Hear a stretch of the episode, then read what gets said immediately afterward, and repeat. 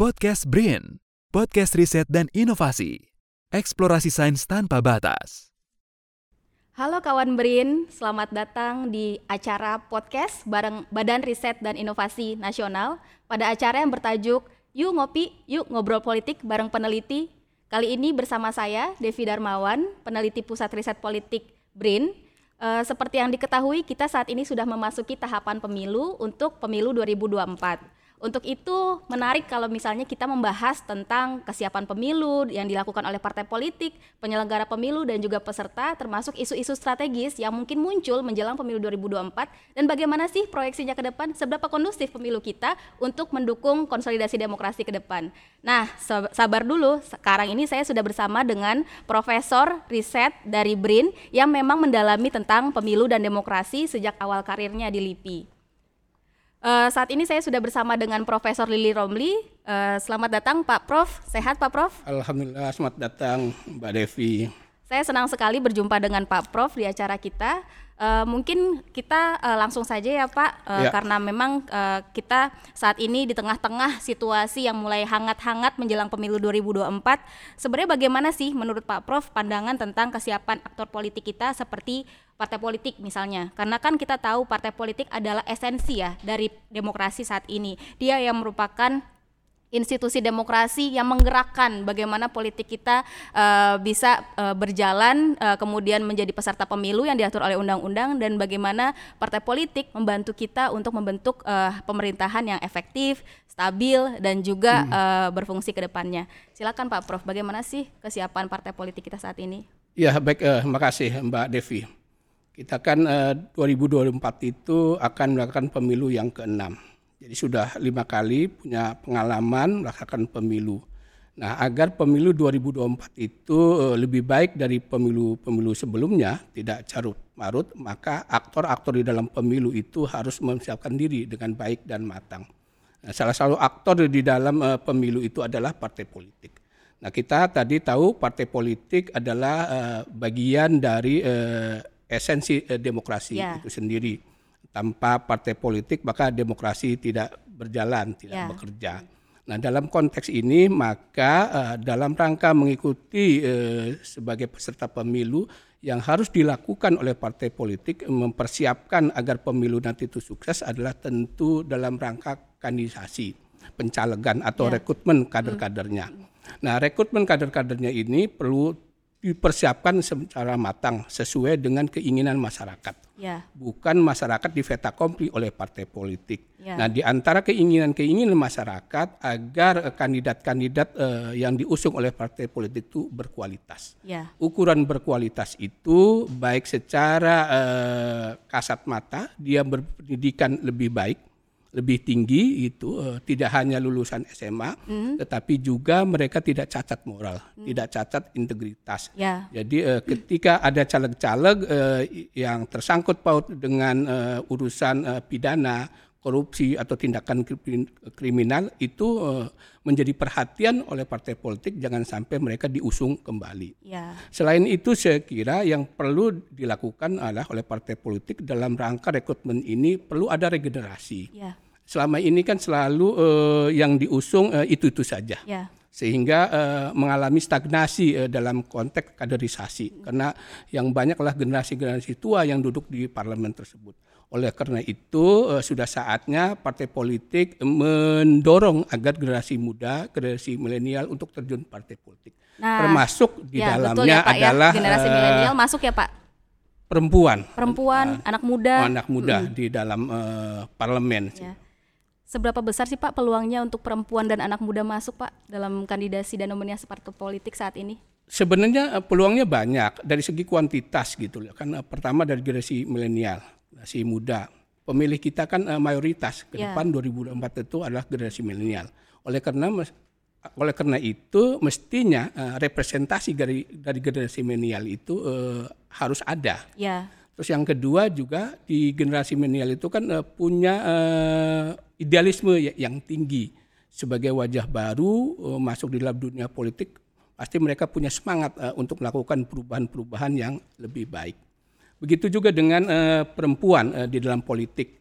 Nah kan secara statistik juga uh, perempuan uh, malahan melebihi dari uh, jumlah perempuan uh, lebih banyak ya Pak daripada laki-laki banyak uh, ya, dari uh, laki-laki. Nah, itu. Oleh karena itu juga uh, mestinya uh, lebih banyak apalagi uh, di dalam undang-undang kan ada uh, kebijakan afirmasi, ada kuota 30%. Ya. Nah, oleh karena itu bukan hanya memenuhi kewajiban dari uh, undang-undang uh, pemilu tersebut tetapi juga bagian dari komitmen partai politik untuk memang melibatkan uh, perempuan itu di dalam uh, politik.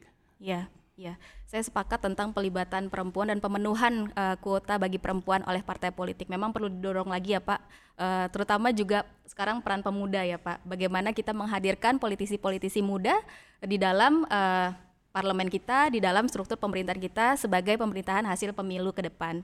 Nah, Pak, itu tadi dari partai politik. Kalau tentang penyelenggara pemilu, karena kita tahu pemilu tidak akan berjalan tanpa adanya penyelenggara pemilu seperti KPU dan Bawaslu yang memang uh, yang memang objektif, independen, betul-betul menyelenggarakan pemilu secara berintegritas. Menurut Bapak bagaimana sekarang keadaan uh, potret lah KPU kita, Bawaslu kita sebagai yeah. penyelenggara pemilu? Nah ini juga memang aktor yang kedua yang penting eh, yang harus kita uh, persiapkan dengan baik dan matang adalah penyelenggara pemilu, ya. baik itu KPU dan uh, Bawaslu. Bawaslu. Uh, untuk KPU saya kira pengalaman yang lalu yang menjadi catatan tiga hal. Yang uh, pertama adalah persiapan DPT. Selalu itu persoalan klasik uh, yang menimbulkan uh, perselisihan hasil pemilu. Uh, DPT yang tidak akurat Eh, DPT yang uh, nama-nama ganda, ya. Eh, nama-nama hantu dan sebagainya, ya. dan itu dari uh, pemilu ke pemilu selalu muncul. Jadi oleh ya, karena Pak? itu harus diselesaikan uh, ya. oleh uh, KPU bagaimana data pemilih tetap ini betul-betul valid. Ya. Terus yang Setuju, kedua Pak. adalah uh, persoalan independensi.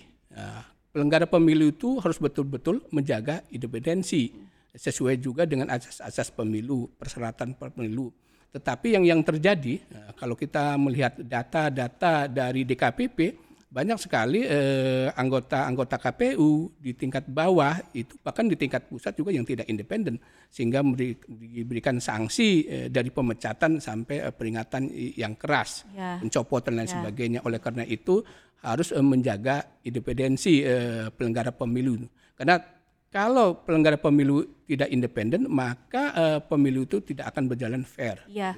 Baik. Saya sepakat karena itu. memang hasil pemilu kita akan ditentukan dari independensi penyelenggara Betul, pemilu ya, Pak. Mm. Walaupun kita sudah mengkonsep partai politik uh, sudah membuat nominasi kandidat yang bagus-bagus, tapi kalau penyelenggara pemilunya bobrok, Betul. Hasil pemilu kita juga akan bobrok iya. gitu ya, Pak. Itu satu lagi juga yang perlu dipersiapkan kejadian masa lalu itu pemilu 2014 itu kan banyak uh, penyelenggara pemilu di tingkat ad hoc itu kan yang ya, meninggal. Iya Pak. Nah jangan sampai uh, terulang Ulang kembali. Ya, oleh karena itu perlu disiapkan uh, secara matang bahwa mereka-mereka yang akan menjadi uh, panitia ad hoc itu sehat, ya. uh, sehat secara fisik dan kalau perlu dan sudah didiskusikan juga mereka itu uh, harus ada uh, asuransi ya. jaminan uh, kesehatan dan kematian bagi para penyelenggara pemilu. Ya, saya setuju. Jadi peristiwa horor 2019 2019 supaya jangan tidak sampai ulang lagi. Ulang lagi di 2024 nanti ya. gitu. Jadi semua rekan-rekan yang hendak mendaftar gitu ya Pak jadi KPPS ke depan semoga bisa mendapatkan asuransi seperti ya, yang didiskusikan. Tapi harus juga ya. mereka dipersiapkan uh, sehat secara fisik gitu. Ya. Jangan sampai ada yang menderita ya, uh, sakit jantung, Masih asma direkrut, dan sebagainya direkrut. Ya, gitu. Direkrut. Jadi akhirnya nanti memberi catatan buruk lagi untuk pemilu 2024. Nah, itu tadi persiapan dari partai politik dan juga penyelenggara pemilu. Cuman ada satu aktor politik dalam struktur demokrasi kita yang tidak kalah penting, yaitu masyarakat sebagai pemilih. Nah, ini menarik Pak kalau kita membicarakan masyarakat sebagai pemilih dalam konteks pemilu 2024. Bagaimana sih Pak eh, pemilih kita saat ini? Apakah mereka sebenarnya adalah pemilih yang sudah rasional? Karena kalau misalnya kita lihat mungkin dari riset-riset dari teman-teman eh, yang sudah melakukan riset di bidang pemilu dan demokrasi banyak menyatakan masyarakat kita itu masih belum terlalu rasional gitu. Bagaimana yeah. Pak? Problemnya kan memang uh, masyarakat Indonesia ini kenapa uh, pemilih kita masih menghadapi masalah gitu. Yeah. Di antaranya adalah memang tingkat pendidikan okay. uh, yang masih relatif rendah dan uh, penghasilan. Sehingga uh, kedua faktor itu menyebabkan pemilih kita uh, mudah dimobilisasi.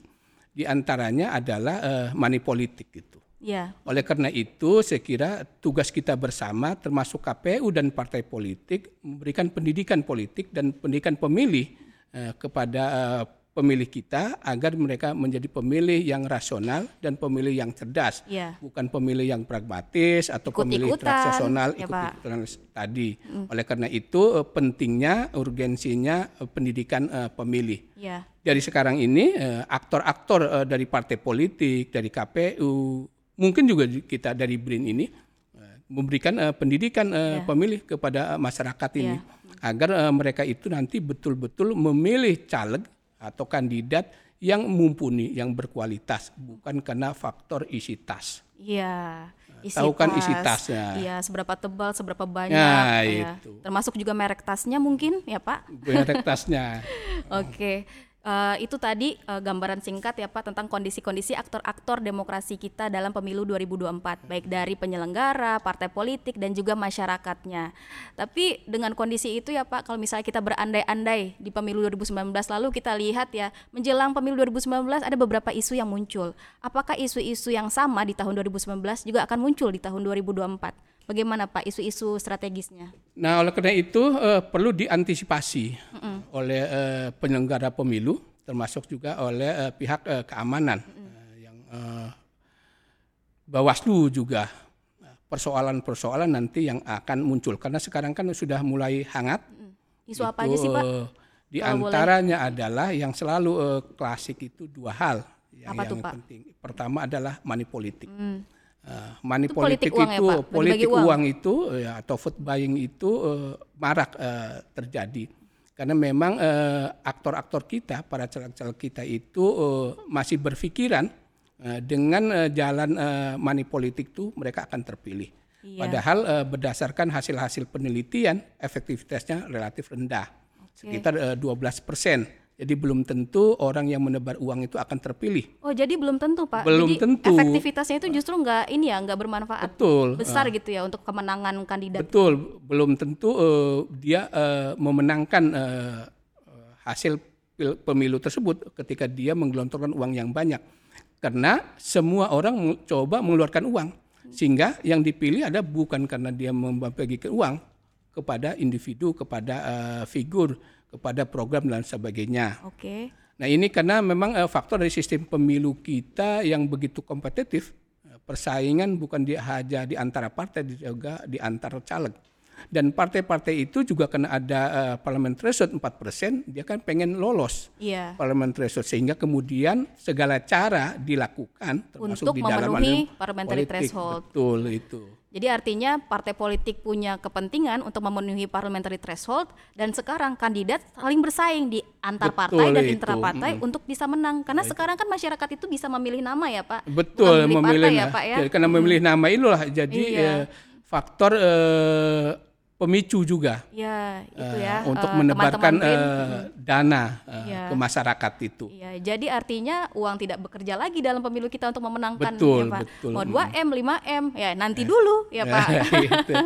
Oke. Nah, yang isu kedua apa nih Pak? Isu yang, yang kedua saya kira supaya tidak terulang kembali adalah persoalan uh, politik identitas. Oke, uh, ya Jangan Pak. sampai ini kan masyarakat uh, kemarin itu kan terpolarisasi ya. dalam dua kutub. Ya. Uh, jangan sampai eh, politik identitas ini muncul kembali dimanfaatkan oleh elit-elit politik dalam rangka untuk memenangkan pertarungan yeah, tersebut. Yeah, yeah. Oleh karena itu sekali lagi ke, yang ke awal tadi perlunya ada pendidikan eh, politik yeah. dan pendidikan pemilih yeah. jangan sampai eh, masyarakat itu dimobilisasi dengan politik identitas. Yeah. Karena politik identitas ini bagaikan rumput savana yang hmm. mudah sekali terbakar. Poin karena ya. menimbulkan sentimen uh, loyalitas yang luar biasa. Hmm ketika orang-orang dihubungkan dengan politik identitas, dia bangkit uh, sentimen politiknya itu hmm. karena menganggap bahwa dengan membela politik identitas itu bagian dari perjuangan. Dan juga padahal, keberpihakan mungkin ya eh, Pak. Betul, padahal yang dipilih adalah persoalan politik. Ya. Jadi persoalan politik dan persoalan politik identitas sesuatu yang berbeda.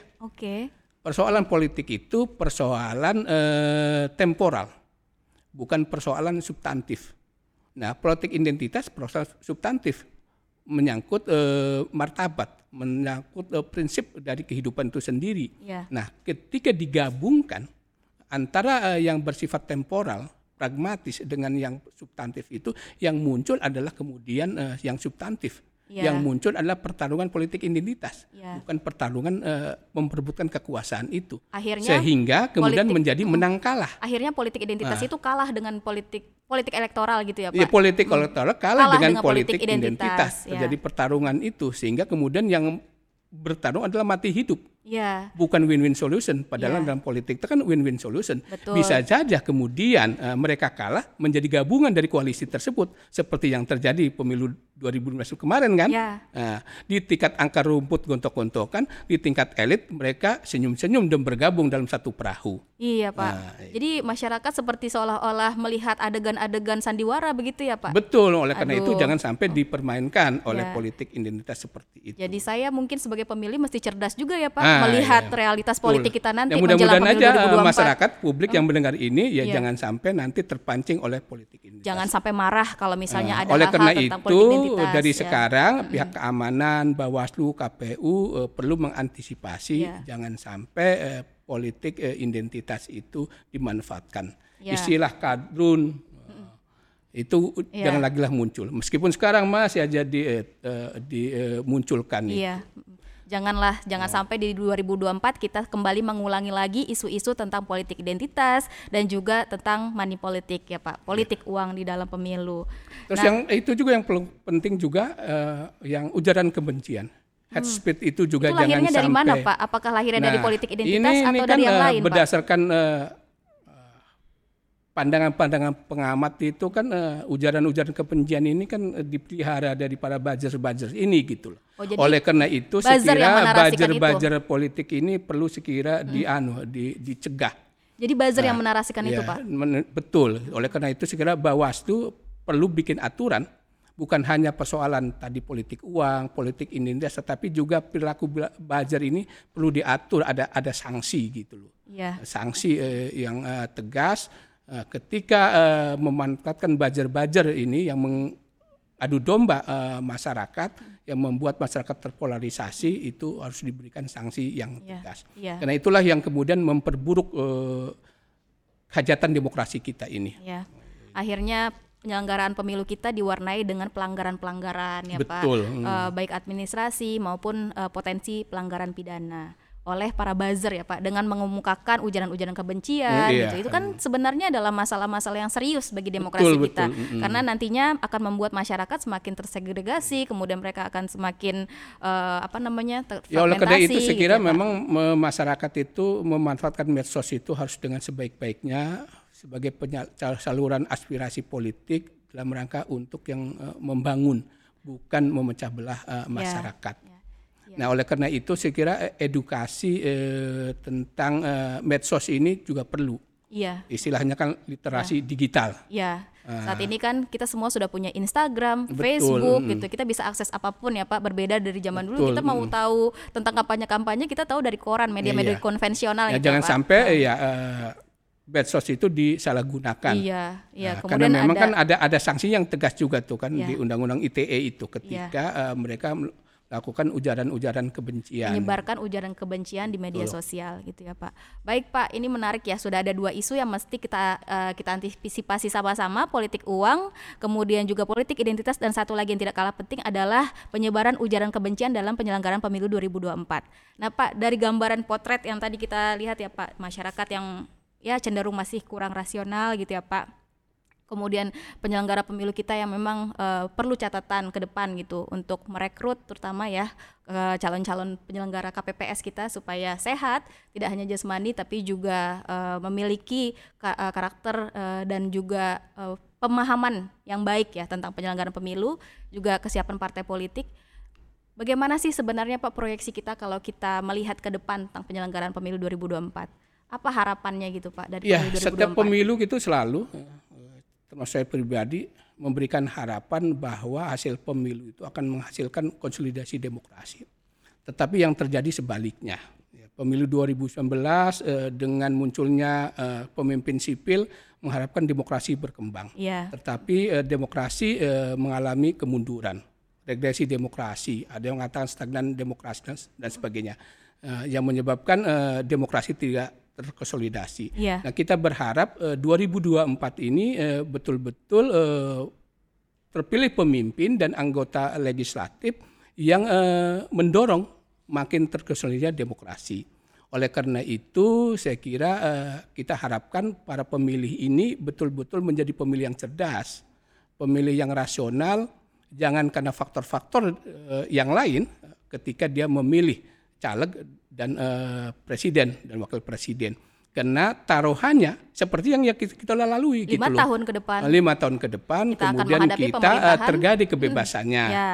eh, dan lain sebagainya. Oleh karena itu betul-betul dipilih secara matang secara rasional supaya karena uh, ke depan itu demokrasi makin baik. Di ya. samping juga pembangunan uh, ekonomi. Ya. uh, di sana. Oleh karena itu saya kira berharap juga memang uh, pertama adalah uh, kandidat dari presiden dan wakil presiden itu lebih dari uh, dua supaya seperti kita memilih partai juga, memilih caleg juga lebih banyak, begitu juga uh, capres dan cawapres itu harus lebih banyak juga, ya. jangan dua. Jangan dua.